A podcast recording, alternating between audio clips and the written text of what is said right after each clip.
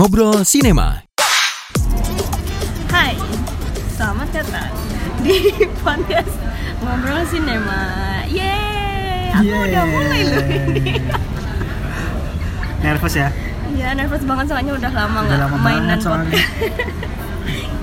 Ini sudah kita sudah menunda selama 30 jam sampai akhirnya kita ngerekam suara ini. Yeay. Jadi kita kembali lagi di podcastnya Ngobrol Sinema. Kita hari ini mau ngomongin apa ya, Mas?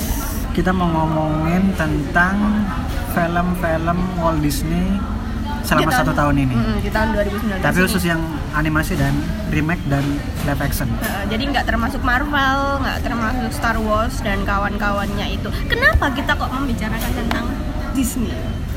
Karena Karena karena karena eh, tanggal 5 Desember dalam minggu ini itu Walt Disney sebenarnya berulang tahun sebenarnya seharusnya dia lahirnya 5 Desember 1901 Wah, gila udah udah lama banget ya kalau Kalau sekarang? Mm, kalau beliaunya masih hidup berarti udah 118 tahun tapi sayangnya beliau eh, sudah meninggal di tahun 66 deket banget sama ulang tahunnya dia Iya. 15 Desember, Desember jadi habis juga.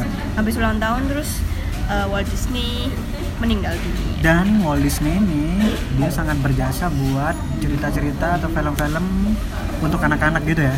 Heeh, banget. Banget. Nah kita akan membicarakan enam film yang selama setahun ini kayaknya itu banget. Mewarnai, Mewarnai. perfilman. nggak sih biasa aja. Jadi kita ngomongin apa aja ini? Kita di bulan Maret kemarin ketemu sama Dambo Dambo Dambo itu ini ini istilahnya ya ini aku sebutin ya istilahnya Dambo itu ya dia bukan hanya sebuah remake dari filmnya yang dulu 1941 tapi dia disebutnya sama Disney itu adalah live action reimagining lah oh susah amat dah itu masih yang gampang loh padahal Terus di bulan Mei kita ketemu sama. Aladdin ini juga sebenarnya kita nyebutnya gampangnya remake ya. Dari tahun 92, tapi Disney-nya Nyebut- menyebutnya live action adaptation. Allahu Akbar. Terus eh, di bulan Juni, Juni kita ketemu sama Toy Story 4. Ini sebuah sequel yang tidak terduga-duga, tapi ternyata bagus banget. yang membuat shock semua Mm-mm. penggemarnya. Mm-mm. Kenapa Dan ini dibikin? disebutnya adalah computer animated comedy komedi jadi dia sebenarnya Toy Story ini dibuat untuk komedi, Komedi. oke oke baru tahu juga aku terus di bulan Juli kita ketemu sama The Lion King ini juga termasuk yang ditunggu-tunggu karena The Lion King siapa yang belum nonton The Lion King tahun 94 ya kan dan itu benar-benar Karena disetel terus setiap memorable. lebaran. Ya oke 94 aku Setiap- juga baru lahir sih setiap musim ini kan, setiap musim liburan setiap musim liburan pasti ada The Lion King. Nah, The Lion King yang ini, yang tahun 2019 ini, disebutnya adalah, oke susah banget ini, photorealistic computer animated remake. Jadi nggak hanya remake, tapi itu tadi yang aku sebutin. dia remake dari 94 ya. Heeh. Satu Dan tahun ini setelahnya baru saya lahir. bohong banget. Aku lahirnya baru tahun 2000 kemarin sih. Terus di bulan Oktober kita ketemu sama sequelnya Maleficent. Dia ini adalah dark adventure film. Dan ini emang dapat banget darknya ya. Darknya dapat banget. Dia adaptasi dari novel nggak sih? Masa? Beauty and the Beast? Bukan? Eh, Oh, bukan, bukan. bukan. Aurora kan Sleeping Beauty dia. Sleeping Beauty. Sebenarnya dia adalah cerita tentang antagonisnya Sleeping Beauty. Makanya kan ada ceritanya si Aurora juga kan, si Maleficent ini. Tapi dia Terus lebih yang fokus ke Maleficent. Maleficent-nya bagus sih dan menurutku ini adalah salah satu film terbaiknya Disney tahun ini. Wow. Wow. Udah langsung ngasih Wow. Judgment ini? Menurutku, Oke. in my opinion. Terus barusan kemarin kita ketemu sama Frozen yang kedua. Nah, Frozen ini disebutnya 3D Computer Animated Musical Fantasy ya Allah. panjang banget. Panjang banget. Tapi bener sih di situ dicantumin Iya, dia- musical karena emang dikit-dikit nyanyi, dikit-dikit nyanyi. Saya lihat Frozen itu sama kayak lihat uh, Beauty and the Beast yang tahun Yang lalu. live action itu ya. Action. Dikit-dikit nyanyi, dikit-dikit nyanyi. Frozen itu beneran kayak kayak nonton musikal yang model kayak La La Land gitu loh yang, yang dikit-dikit nyanyi. berkue banget gitu ya dikit-dikit nyanyi dikit-dikit nyanyi gitu. dan dan memang bukan penyanyi semua kan pengisi acaranya. Tapi pengisi acaranya juga ikut nyanyi. Pengisi acara pengisi suara. Pengisi suara. Pengisi suaranya kalau menurutku ya pengisi suaranya Frozen itu adalah vokal-vokal terbaiknya Disney jadi Kuat ada soalnya, kuat Idina banget ya. Menzel, Kristen Bell, Jonathan Groff itu yang biasanya di Broadway itu jadi emang suaranya emang udah kuat sekali ini kalau kita boleh Guys. boleh putar dikit nih kalau ke yang Frozen pertama. Kita kalau nggak merhatiin kalau itu adalah yang nyanyi itu si Demi Lovato untuk Let It Go sebenarnya nggak masalah juga sih. Si Idina ah, Menzelnya soalnya itu udah ya? udah kuat banget powerful banget kayaknya. banget. Jadi diambil dari film pun udah jadi suatu soundtrack yang bisa didengerin terus-terusan. Terus kita review satu-satu. Aduh satu-satu menurut ngobrol sinema kemarin. Ya diam eh, diambil dimulai dari yang pertama Dumbo ya berarti ya. Kalau Dumbo menurut Dumbo. anda gimana? Yang Dumbo nonton menurut di bagus-bagus aja sih. Bagus-bagus saja bagus-bagus aja cuman dia banyak hal-hal yang kayaknya nggak serk aja menurut saya. Kayak misalnya si anak anaknya Colin Farrell ini siapa sih namanya? Ya itulah anak yang cewek itu ya. Ya, dia terlalu pintar terlalu bijaksana banget kayak dewasa banget gila. Ini orang dia tahu tahu strategi tahu eh, nenangin adiknya yang masih kecil. Padahal dia itu kayak masih SD gitu. Tapi dia udah tahu cara menenangkan adiknya menenangkan Si lingkungannya. Gila ya. Tahu kalau si Dumbo itu harus terusan di itu biar dapat duit banyak biar nanti dia bisa kembali ke ibunya. Nah dia yang mikir malahan si bapaknya nggak mikir. Dan Oke. bahasa bahasa yang dia pakai itu bahasa orang-orang dewasa orang-orang banget dewasa ya. Yang menurutku sih nggak nggak mungkin dia kepikiran pakai bahasa itu mungkin gitu. karena dia kan lama ditinggal sama bapaknya. Oh. terus ibunya kan juga meninggal. Akhirnya dia khutbah-khutbah gitu akhirnya dia tahu oh enggak apa namanya mungkin dia membesarkan adiknya gitu jadinya dia dewasa gitu ya kan tapi kalau menurutku Dumbo ini agak kurang sih kurang greget ceritanya. Soalnya ceritanya tuh di apa? Di ceritanya.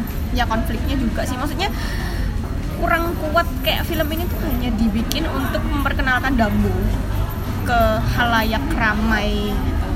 Karena setelah aku apa ya tanya-tanya ke temanku waktu si Dumbo rilis ini ternyata yang seumuran aku juga nggak nggak banyak yang tahu kalau Dumbo ini sebenarnya dulu sudah ada filmnya jadi dikiranya Tapi kalau ini dengan- baru sekarang.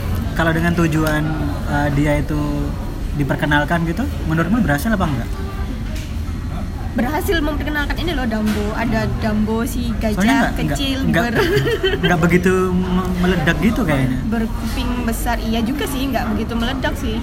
Cuman paling nggak sudah diitukan ke orang-orang bahwa Dumbo ini si gajah Disney punya Dumbo. yang lucu. Ya gitu ya di sini punya Dumbo loh hmm, gitu. Paling jadi kalau sudah itu. kalau sewaktu-waktu crossover gitu jangan kaget ya gitu ya. Ya Dumbo nanti ketemu sama sama apa ya? Terus? Tapi dan ini adalah Dumbo itu menurutku membuang-buang aktor. Jadi aktornya itu Oh iya, bagus-bagus kan Colin Farrell. Yang jadi musuhnya tuh siapa? De Vito. Siapa sih? Bukan yang yang yang mau ngambil sirkusnya tuh loh. Siapa oh sih si itu? ini Batman. Siapa sih namanya? itu lupa ya itu lah si Batman itu. Jadi ada Colin Farrell Danny DeVito. Eva Green lumayan lah Eva ya Green. Eva Green. Terus si yang musuh itu apa sih namanya? Yaitu buang-buang talent menurutku. Jadi kalau bukan mereka lebih baik bisa Keaton. Michael Keaton. Ya Iya. Michael Keaton. Ya itulah. Itu sayang banget kalau mereka. Ya nggak apa-apa sih. Mungkin buat menaikkan tapi kalau menurut aku rada gagal. Kalau mau menaikkan filmnya pun harusnya milih aktor-aktor yang lebih banyak dikenal sama masyarakat. Masyarakat eh, mainstream atau harusnya. ya, mungkin juga bisa bisa ngambil atau nyomot aktor-aktor yang ada di Marvel misalnya. Why? Karena mereka udah terkenal oh banget. ya oke. Udah Kan hype-nya sekalian, banget. sekalian untuk memperkenalkan ya. Ya oke bagus bagus oke bisa yang kedua kita masuk ke Aladdin. Wow wow wow. Aladdin ini aku Aladdin. suka dulunya waktu dia masih kartun. Aladdin ini pas banget gak sih? Dia pas bulan puasa gitu gak sih? Oh Ya. iya. ya Mei masa? Iya Arabian Night gitu Arabian Night. Tapi dia Tapi itu ya. mereka nggak taraweh. nggak tahu itu waktu nikah hampir nikah itu nggak pakai hijab kabul juga. Padahal Iya, di si- Arab si- si Jafar sama si Jasmine. Padahal nikahnya dinikahin sama imam. Cuy iya serius. Itu kan ngomongnya imam gitu. Yang mungkin mungkin namanya imam. Oh namanya imam. Jadi imam. Oh imam Aladin namanya kalau menurut lu gimana Aladin Aladdin ini yang paling memorable sampai sekarang ya lagunya dong. Speechless, Speechless. perlukah aku nyanyi? Ya? oke fine. Original soundtracknya benar-benar nendang. Dia eh, apa ya? Mendapatkan perhatian banget. Kuat banget sih menurut saya sih. Ya itu. Aku juga sama. Kalau yang lainnya aku sebenarnya bagus-bagus aja. Aku suka sih si Aladin ini cuman aku sukanya karena nggak sukanya karena satu faktor itu. Ya itulah nggak usah tuh sebutin. Cuman sayangnya lagi satu lagi adalah si Naomi Scott sama si siapa yang jadi Aladin Mena, Mena Masud. Itu. Dia suaranya kurang gereng gitu. Jadi waktu nyanyi uh, Whole New World itu nggak terlalu terasa. Ya mag- magisnya belum nggak nggak gitu terasa. Jadi kayak biasa aja gitu. Ah oke. Ya itu. selain soundtrack adegan-adegan mereka nari itu bagus loh. Oh. kalau menurut saya sih. Kayaknya Mena Masud ini pinter banget narinya. Ah. waktu waktu malam dia nyanyi yang digerakin sama Genie ya itu. ya ya ya ya. yang sama Naomi Scott sisanya enggak sih biasa aja. Terutama Jafarnya katanya. Jafarnya? Enggak tapi ganteng banget Jafar. Iya iya iya ganteng banget. Kurang kurang kurang kurang kurang jahat. Kurang musuh ini. Kurang musuh. Jadi kita kadung oh Jafar gitu. Bodoh.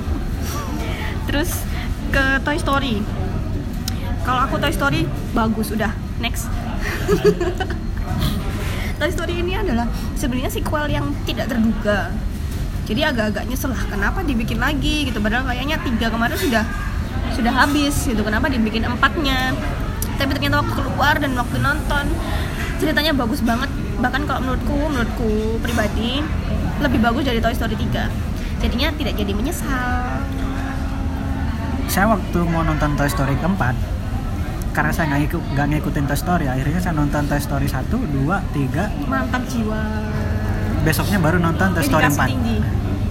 Nah kalau saya perhatikan ya dari 1 sampai ke 4 itu dari pertama sampai ke sampai mau menjelang akhir durasi mereka nih rapi bagus banget skripnya naskahnya detail banget eh, plotnya. Tapi yang mereka yang yang bikin sedihnya atau mereka yang paling nendang itu emang di akhir. Benar benar benar benar. Di Begitu akhir tuh di, di akhir tuh kayak gitu. moral story-nya tuh Yes, langsung nunjukin gitu. Story. di situ. Emang di belakangnya langsung rasa langsung lima gitu nilainya. Kayak kita kayak kita. Merhatiin di awal itu kayak biasa aja Hmm, awalnya. ya kayak cuman rapi biasa. aja rapi dan bagus banget gitu. Cara cara mereka bercerita gitu. Cuman pesan itu nendang banget pas di di akhir. belakang. Mm-mm, terasanya di situ. Dan terbaik. Apalagi dua dua pe, pe- pengisi suaranya ya? Iya. Yang terus-terusan ada terus Iya. itu. Gila keren banget itu suaranya masih dipakai ya pokoknya Toy Story bagus lah ya. Ini Disney langsung tiga ya? Dalam dalam tiga bulan. Aladdin Juni, Aladdin. Mei Toy Story oh Juni iya. Langsung soalnya The- kan kayaknya waktu, liburan itu kan. Langsung The Lion King Juli Lion King Juli ini kamu belum nonton ya? Oke jadi aku akan mengomong sendiri ya. Kalau menurut aku The Lion King ini plek ketiplek sama 94 pokoknya ceritanya sama. Ada kayaknya yang nggak sama kayak cuma 0,5 persen gitu loh. Tapi intinya semua sama hanya saja Lion King sekarang dibikin live action apa ya? Namanya oh ya itu tadi namanya ya fotorealistic computer animated remake. Jadi, dia fotorealistik ya? memang, eh, fotorealistik dan aku bener banget setuju banget sama itu penyebutannya itu. Karena dia bener-bener realis. Kayak kayak bener-bener lihat hewan yang jalan-jalan kayak ya? nonton National Geographic di hutan gitu tapi jeleknya adalah bukan jeleknya sih minusnya adalah jadinya dia kurang humanis kalau aku oh, Jadi, tidak ekspresif tidak gitu. ekspresif gitu jadi aku nggak tahu tuh Simba tuh lagi marah lagi kesel lagi sedih kehilangan bapaknya eh, eh spoiler nggak apa-apa ya Enggak ini sering disetel juga kok lebaran. Iya ya oke. Terus itu jadi nggak kelihatan, jadi mukanya lempeng-lempeng aja. Nah itu sayangnya di situ. Tapi bagusnya satu lagi adalah dia aktor-aktornya aktor-aktor bagus dan dia mengangkat eh, aktor-aktor kulit hitam banyaknya. Iya. itu benar. aku yang suka banget, suka banget di situ. Justru banget. justru yang eh, aktor-aktor yang kulit hitam pengisi suara eh, karakter utama ya. karakter utama semua suka Paul dan si Mufasa itu tetap suaranya tetap Bentar-bentar. yang dulu. Anda suka banget sama The Lion King karena faktor aktor. aktor yang menggunakan bahasa eh bahasa.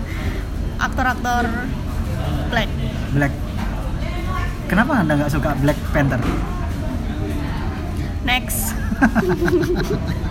Ya itu. Kalau menurut aku representatifnya di situ dapat sekali. Oke next. Kita ke Maleficent Ya, Maleficent ini Oktober kemarin ya. Maleficent kalau aku suka sekali aku sempet agak skeptis sih Maleficent ini nggak usah dibikin yang kedua kali ya kayak kayak Toy Story sih kalau aku tapi ketika nonton filmnya langsung wow Apalagi di trailer keberapa gitu, kedua apa ketiga gitu tiba-tiba dimunculin kalau ada bangsanya Maleficent ini Hmm, gitu di si situ. Daphne. Akhirnya benar-benar bikin penasaran. Itu ceritanya bagus visualnya bagus Wah. actionnya bagus. Visualnya keren banget ya si Aurora cantik banget ya Allah. Cuman sayangnya si pangeran jelek tolong. Cantik yang pertama sih Aurora. cantik yang pertama. Eh, kalau pangerannya soalnya dia udah jadi Nightwing di Titans. roaming no nggak ngerti aku kamu ngomong apa ya itu prince-nya kurang cakep cari yang cakep dikit kenapa sih Sebenarnya yang pertama cakep kok. enggak ganti orang apa Iya ganti orang. oh ganti orang ya Yang yang di pertama tuh cakep. Ah, that's a loss ah. tapi bagus aku suka Maleficent yang kedua ini suka cocok tapi sebaiknya nggak usah dibikin lagi Suka banget itu Pak, suka banget itu sama eh, Queen Ingrid. Queen Ingrid ya Wah itu jahatnya Paul, gila banget itu. Kayaknya emang Michelle apa gimana Michelle bacanya? Pfeiffer Iya, itu Kali, emang ya keren kali. banget. ya keren banget emang dia tuh Emang udah senior kan? watak Dia udah pernah jadi Catwoman, udah pernah jadi di Marvel juga kan di di WhatsApp. Batman Iya. Tapi agak aku nggak sukanya eh, karena cewek melawan cewek oh iya. it's a big no for me tapi ceritanya bagus sih Ya, at least dia tidak jambak-jambakan gitu Iya. kan. Oke. Ya, gitu. terus yang terakhir adalah Frozen Frozen nih akhir barusan kemarin akhir November Eh, masih- kemarin dan masih segar sekali diingatan semua guys. layar masih dikuasai sama dia. Sama eh, Frozen. tapi hari ini ada Jumanji. Oh ya pasti rebutan layar. Dia ini sebenarnya sebuah sequel yang penting. Kalau menurutku si Frozen ini karena dia menjelaskan menjelaskan pertanyaan-pertanyaan yang tidak terjawab di Frozen 1. Misalnya, Elsa, Elsa dapat kekuatan dari mana? ternyata dari mana? Dari situ. Enggak dari skrip atau naskah. Di, eh, ya masalahnya kan Elsa punya kekuatan tapi kok Anna nggak punya kekuatan ya kan gitu. Itu dari mana? Itu terjawab semua. Cuman sayangnya Tidak boleh diceritakan di sini. dia agak terlalu dewasa mungkin ya. Agak terlalu dewasa. Karena udah enam tahun. Eh, tapi dari yang nggak bisa digituin kalau misalnya dia dulu waktu 2013 itu ya ditonton sama anak-anak umur 4 tahun tambah 6 tahun kan harusnya masih 10 tahun harusnya dia masih relevan untuk ditonton anak umur 10 tahun tapi kalau menurutku si Frozen 2 ini sudah nggak benar. bisa Siapa yang mau nonton Nonton. Frozen pertama itu umur 4 tahun umur itu? kata dia kali kemarin kan banyak anak-anak kecil umur 2 tahun kayaknya Kayaknya dipaksa sama ibunya kayaknya. Karena ibunya di Wah ibu- anak gak ada yang jaga nih di rumah bisa bawa aja ke bioskop. Akhirnya rame sama di bioskop. bapaknya sama strollernya sama bibinya Eh, sama neneknya ikut semua. Tapi tetap plusnya di sini adalah Frozen tetap diisi karakternya tetap diisi sama vokal eh sama aktor-aktor dengan vokal terbaik itu. Dan lagu-lagunya tetap tetap kuat meskipun tidak se-iconic Let It Hmm, Go iya ya betul betul. nggak ada yang se-iconic Let It Go kayaknya yang iconic justru Speechless dari Aladdin itu tapi di Frozen belum sih tapi Ini- memang enak-enak Ini soundtrack Lagunya soundtrack enak-enak. utamanya yang the Into the Unknown the ya. Unknown. Ya. Kenapa harus dinyanyiin? soalnya emang udah itu itu suaranya eh suaranya lagunya enak tapi sayangnya kurang ikonik udah sih gitu aja intinya Frozen 2 penting tapi penyajiannya kurang greget Kalau kamu nih harus meranking dari 1 sampai 6 dari yang paling favorit paling favorit lah ya, bukan paling bagus. ya paling bagus paling favorit paling, favorit. sampai enggak aku punya beda sih antara overall sama dari cerita Oh, oh, oh. wow wow wow Ada dua versi. wow profesional sekali Luar aku biasa. luar biasa ya tapi sebenarnya mirip sih mirip mirip kalau dari ceritanya aku yang pertama Toy Story 4 Oh. terus Maleficent. Terus The Lion King. Terus Aladdin. Cerita nih ya. cerita nih. Terus Frozen. Yang terakhir Dumbo. Cuma beda dikit sih kalau dari overall kalau kita nilai semuanya ya. Iya nilai semuanya. Gila loh. Kayak pertama tetap Toy Story 4 yang kedua tetap Maleficent. Yang ketiga tetap The Lion King. Tapi yang keempat Frozen Hmm. yang kelima Aladdin yang keenam tetap Dumbo Dumbo ini sayang sekali dia ah, eman gitu eman ya gitulah kalau kamu mungkin kalau disuruh mengurut Kalau saya Toy Story 4. Toy Story 4 ya Gila, pesan moralnya kena banget. Habis itu Aladdin. Nggak tahu saya suka banget sama Aladdin. Karena yang Kamu nggak tidak nonton dulu ya karena yang tidak kamu sukai di Aladdin itu adalah yang saya sukai. oh ya itu ya Sorry. si unsur itu ya Unsur itu. Unsur apa hijab kabul apalagi apalagi kena banget itu yang humornya menurut saya sih. Terus baru tapi itu Maleficent. umurnya mirip, mirip sekali sama yang yang sama yang kartun. Heeh. Habis itu baru Maleficent yang ketiga. Frozen, Hmm. habis itu Dumbo. Karena kamu belum nonton The Lion King. Karena The Lion King saya belum nonton. oke Saya nonton The Lion King setiap lebaran. Atau liburan anak yang dulu kali. Kayaknya The Lion King belum ada ya di di lapak-lapak terdekat enggak di maksudnya di layanan streaming gitu belum ada ya? Belum, belum. Kan baru. kalau Disney itu selalu punya hidden hidden moral ya. Istilahnya apa sih? Moral story gitu ya di setiap filmnya kalau aku lihat sejauh ini yang nggak punya moral yang nggak punya moral Kok jahat banget ya? yang nggak punya moral itu yang ngelihat yang paling nggak punya moral itu adalah Little Mermaid karena karena si Ariel itu kamu pernah nonton Little Mermaid nggak lupa lupa. si Ariel si yang mermaidnya itu dia merelakan suaranya yang segitu bagusnya Untuk Buat- pangeran. buat ngubah eh, jadi kaki buat nikah sama pangeran. Wow. itu nggak sebego apa coba. Malah suaranya bagus banget. Ya itu tuh nggak ada moralnya itu a big no for me. Cuman kalau yang dari enam ini ini kalau menurutku ya kalau menurut kamu nggak ngerti lagi? Kalau Aladdin yang di sekarang ini pertama Aladdin yang sekarang itu dia lebih fokus ke Jasmine lebih banyak fokusnya ke Jasmine Yeah, saya juga Jangan. merasakan itu. Terutama apalagi dengan lagunya Speechless ah, itu terutama dia Jadi pas bener-bener- muncul dengan nyanyi Speechless itu, adegan itu gila keren banget itu. jadi benar-benar ngangkat bahwa cewek juga bisa berkuasa maksudnya berkuasa memimpin Dan liriknya merepresentasikan itu banget kan. mm, merepresentasikan filmnya juga dan dia berani untuk maju. Apa sih? Untuk memperjuangkan dirinya memperjuangkan dia sebagai cewek. Maju jadi apa sih anggota dewan? anggota sultan. Ya kalau Dumbo itu si Dumbo itu kan beda ya. Dia gajah Ya, yang ya. bisa terbang gitu. Jadi kalau menurutku dia moralnya itu jangan takut untuk jadi beda.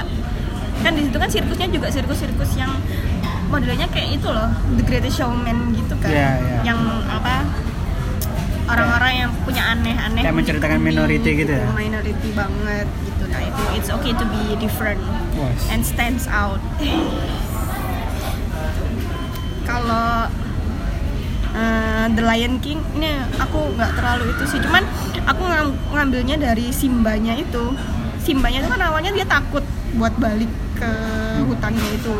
Tapi lama-lamanya kan dia kan akhirnya berani buat eh, kembali ke hutannya itu berani buat eh, melawan si siapa coy? Jafar bukan. Mufasa. Ya itu bukan bukan Mufasa. Mufasa sama bapaknya. Ya itu si omnya itu.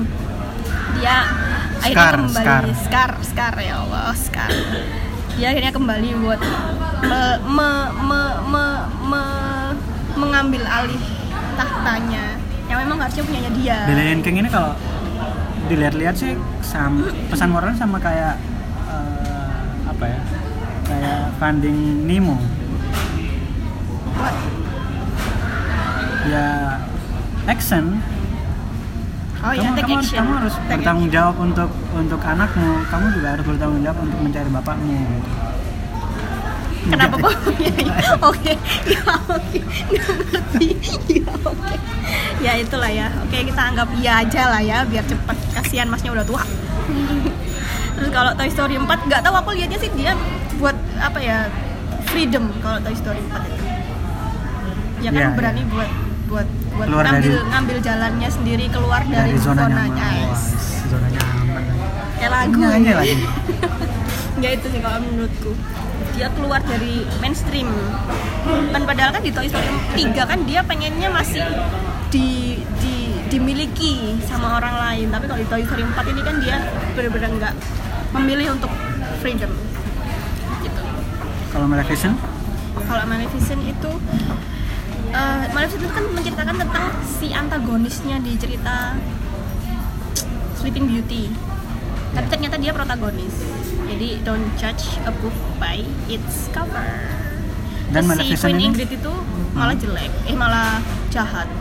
Maleficent ini kayak jurnalis banget lah ya. Prinsip jurnalis banget ya. harus skeptis gitu. Ya enggak sih Aurora ini harus Aurora ini harusnya skeptis gitu sama si Oh iya, harusnya- si Queen Ingrid ini. Ingrid itu. Ya itulah ya. Ternyata Aurora kena juga. Masuk masuk jebakan Batman. Ya itu mungkin ini moralnya ini buat si Aurora. Gitu don't judge a book by its cover Aurora. Please. Terus kalau Frozen 2 itu aku ngambil salah satu lagunya Show Yourself. Gitu. jadi jangan takut untuk menunjukkan aku juga ngambil dari satu, salah satu Confident. lagunya. Into the Unknown. Jadi What? kamu harus ke hutan. Lalu. Belok ke pantai. Ini apa sih? Apa sih? Ya itu kalau menurutku Frozen itu lebih ke ke biar anak-anak ini masih sasarannya masih anak-anak ya. Biar anak-anak itu eh, percaya sama dirinya sendiri. Kayak Elsa gitu kan dulunya dia terkungkung dengan Karena- harapan masyarakat. karena beda sendiri. Itu dan ngomong-ngomong. Ngomong-ngomong ngomong-ngomong. Oh udah selama nih aja. selama dua tahun ini kayaknya. Apa tiga tahun ini ya? Tiga tahun dua tahun dua tahun dua tahun ini? Disney udah Disney bikin remake bikin reboot uh, live action gitu-gitu kenapa? Ribut. Kenapa ayo? Salah satunya adalah kalau buat misi sih, Disney, Plus. ya sih bisa jadi sih dulu dulu kan ngebut banget kayaknya karena karena mau nyaingin streaming yang itu Netflix, setelah itu banyak sekali sekarang Prime. ada HBO Max HBO Max. ada Prime Ya itu Disney Plus sebenarnya juga sudah tayang kan? iya sudah sudah sudah, sudah on air. Kalau menurutku karena mereka mau membangun kerajaannya lebih besar lagi dengan Disney Plus. Satu lagi adalah mungkin dari dulu ya. Kalau menurutku eh, pasarnya Disney itu kan tetap eh, anak-anak. Jadi dan sementara dulu film-filmnya itu ditonton sama anak-anak yang sekarang sudah beranjak dewasa jadi kenapa mereka banyak ngerimik ngeribut jadi live action dan lain sebagainya itu buat menarik perhatian penonton Anak-anak yang lagi. dulu itu yang mungkin sekarang juga sudah punya anak-anak biar Untuk- nonton filmnya mereka. untuk memperkenalkan ke anak-anaknya Eh, bahwa ini ada Disney, Ini ada cerita-cerita princess, ada cerita-cerita gajah bisa terbang. ini loh bapak dulu nonton ini loh gitu ya. Ada si singa raja hutan gitu dan lain sebagainya. Kalau menurutku sih itu salah satu positif thinkingnya adalah dia mem- memperkenalkan lagi kisah-kisah bisa Disney jadi bisa jadi. yang ikonik zaman itu. Untuk untuk kayaknya untuk memperbesar bisnis ya itu emang gitu Ya benar itu. apalagi itu juga dia salah satu yang terbuka sekali itu. Hmm, Disney apalagi sudah membeli satu perusahaan film yang Fox. menghabiskan babat semuanya Ya, itu udah jadi kayaknya semua yang kita tonton di bioskop bentar lagi adalah punyanya Disney. Hmm. Gitu. Tapi lucu kali ya. Di kok ada crossover film-film Disney gitu. sangat lucu ya Frozen ketemu sama Moana. Frozen sama Moana Ketemu sama Moana. tapi kan Moana nggak punya kesaktian. Yang punya kesaktian yang si siapa? Si Maul. Siapa sih? Siapa sih namanya itu? Kenapa Iya. kita nggak nggak apal sih sama nama nama karakter itu? Ma mau mau Mauli. Mauli. eh bukan lah. Mauli Mauli Kusnadi Mauli. Mauli. Surya. iya si itu kan si yang diperanin sama The Rock gitu kan. Iya, kalau si kalau Moana sendiri kan nggak punya kan cuman dia dapat bantuan dari neneknya bantuan dari roh laut gitu gitu kan Tapi lucu kan? Coba lihat aja Moana yang kayak free gitu ketemu sama Elsa yang kayaknya dia itu itu gitu. Terus nanti Olaf ketemu sama si ayam gitu loh. Ayam. Lucu banget itu. Pasti lucu. Terus apa lagi ya? Kayaknya lucu kalau di crossover. Dumbo sama Lion King. Dumbo ini kayaknya bisa ditaruh di mana aja sih soalnya dia Enggak. hewan lucu Oh iya. dan Tapi kan terakhirnya Dumbo spoiler dong. Terakhirnya Dumbo kan dia dia kembali ke hutan gitu kan. Kali aja itu hutannya Lion King. Ayo. atau jangan-jangan dia di hutan Maleficent di kera- kerajaannya kerajaan apa itu? Aurora Kerajaan Morse. habis itu ternyata si Dumbo bisa ngomong lagi Iya. Ternyata dia Dark Fae. Terus dia punya kekuatan Enggak, enggak. ice. ini terlalu Ternyata dia berlebihan Ice Queen. Dia Ice Dark Fae. ternyata dia punya kekuatan Jadi dia ice Dumbo crossover sama Lion King, crossover sama Maleficent, crossover sama Frozen. Mantap nggak tuh? Nanti dia ternyata itu adalah bisa jalan dari Afrika ke Arab. Jadi ketemu sama Aladdin Aladdin. Terus apa yang belum disebut tadi? akhirnya dia ke daratan Cina dia membantu Mulan untuk berjuang melawan Terus ternyata si Woody itu lagi jalan-jalan ke Cina gitu terus dia ketemu sama Woody. kan Woody udah free kan, free elf. Kayak itu dong, Dobby. Ya itu. Ini nggak jelas banget podcastnya sumpah. Cuman ya kalian sudah bisa me- me- menangkap lah ya kita ngomongin Disney dari tadi. Apalagi 2020 ntar ada film Disney ya? Artemis Fowl apa Fowl. yang Oh, harusnya yang tayang lama banget itu ya? yang Iya. yang yang di promonya sih tayang 2019 katanya 2018 lalu tuh dia udah bikin trailer gitu mau tayang Aku tuh pengen 2016 itu loh, udah pernah nggak sih di itu di live actionnya dia Pinocchio? oh, kayaknya bentar lagi deh Pinocchio tuh ya kayak mau anak-anak sekarang tuh dibikin kan kayaknya sudah mulai nggak ngerti Pinocchio. ya, ya, ya. Pinocchio yang manjang Ya, tangannya. hidungnya Nah, habis itu Jungle Cruise tapi itu bukan animasi juga bukan live action ya Jungle Book tuh ada tahun ini juga Jungle Book yang di Netflix itu loh. Jungle Book. bukannya 2018 yang 2018. ada ini kan yang ada Christian Bale kan Oh iya. Di 2018. Aku mau nonton awalnya tapi udah bosan. Ini modelnya model kayak The Lion King kayaknya. Modelnya tuh realistik banget. Jadi seremnya terasa sekali. justru yang bagus itu bukan Jungle Book yang Christian Bale ini tapi yang Yang yang yang sebelumnya. yang sebelumnya Yang sebelumnya. apa ya apa kebalik namanya Jungle Book. Jason apa yang siapa sih The Lion King sutradaranya siapa yang jadi happy John Favreau siapa? Fav, ya itu ya, ya itu. Favreau. nah dibikin sama itu. Jungle Book yang pertama itu. Dan bagus banget menurut saya sih. Dan tiap kali dia bikin film enggak sih waktu Lion King nggak ada. Ada si eh, Scarlett Johansson. Waktu dia ada bikin Chef ada Chris, ada Scarlett yang di Mungkin itu tetanggaan. Jadi kalau mau bikin film tinggal dodok-dodok. yang di Chef malah ada Robert Downey juga ada juga Scarlett. Kalau yang di Jungle Book yang versi dia itu ada Scarlett dia jadi ular itu. Oh belum nonton. Aku Jungle Book. Nggak terlalu. Menarik apa lagi ya yang kayaknya bagus buat jadiin live action atau di remake gitu ya Bambi itu juga belum Bambi. Bambi itu ceritanya seberapa sih? Bambi. Lupa. Dia ah, Bambi itu rusa bukan hewan itu? Iya hewan. Hewan yang kuning yang pink itu. Yang katanya haram dimakan itu. Babi. Oh babi. Bambi itu bukannya itu? Hutan Bambi. Boh tak apa lagi nih. Sudah? Iya udah. Kayaknya itu aja deh. Udah. Kayaknya kita jadi sangat menunggu Disney di tahun 2020 banyak kejutannya juga. Disney kayaknya. Plus juga katanya kan banyak banget series-series yang itu. Udah masuk Indonesia belum sih Disney Plus? Belum sih. Belum kayaknya ya.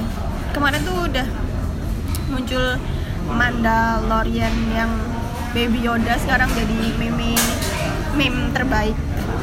Meme terlucu sekarang. Mengalahkan Groot Baby Groot. Baby Yoda. Terus sebenarnya menanti nanti banget sih aku Disney Plus ini isi isinya tapi belum masuk ke Indonesia mungkin kalau sudah masuk kita bakal bikin review tentang Disney Plus kali. Kayaknya kalau ngelihat 2019 ini dia kayak ambisius banget gitu ya banyak remake banyak live action gitu. Kayaknya 2020 dia juga bakal jor-joran gitu ya untuk eh, nggak hanya ngisi Disney Plus kayaknya tapi juga banyak hal yang mereka lakukan seperti Marvel Mm. seperti film-filmnya Marvel aja udah ngantri kan? Hmm, film film-filmnya. film-filmnya James Cameron Avatar terus film-filmnya ya Marvel sih terutama. Mm-mm. Marvel sih sampai 2021 ya kayaknya udah ngantri buat di rilis sama Star Wars. Star Wars abis sih ya tahun ini. Star Wars habis. Tapi mungkin bisa spin off spin offnya ya siapa tahu namanya juga cari duit. Ya udah sih kita gitu aja ngobrolnya kali ini tentang Disney. Mungkin tidak terlalu dalam karena banyak yang kita bahas dan karena emang tujuannya untuk senang-senang saja. Ya buat ngobrol-ngobrol biasa aja. Biar nemenin kamu waktu mau tidur. Ya, atau buat nemenin kamu waktu lagi, masak. kerja. Lagi masak di dapur. Lagi masak masa headsetan gitu. Lagi oh masak. nyetel di itu di radio. Kalau dulu kan lagi masak dengerin apa lihat FTV kan. Jadi sekarang iya. dia Ya, oke, dengerin, dengerin audio podcast. aja oke. Walaupun tidak banyak manfaatnya juga mungkin kalau kalian punya usulan tema boleh eh, biar kita semakin lancar untuk membuat podcast ini. Boleh di komen aja di mana aja terserah. Di Twitter di Instagram. Semuanya at ngobrol sinema gitu. Usulan tema kalian akan diterima ditampung difilter disaring lalu dipilih. Dan kita jadikan tema setiap dua mingguan ya kita. Rencananya Rencana dua mingguan. wacananya. Gitu. rencana kan dua Rencana. mingguan. Bisa tahu siapa tahu bisa satu minggu sekali. Gila loh enggak. Siapa tahu bisa tiga minggu sekali. tiga minggu sekali bisa sebulan sekali atau kalau lupa ya kayak gini enam bulan sekali. Oke. Oke ya udah deh gitu aja dari kita. Bye bye sampai jumpa di podcast selanjutnya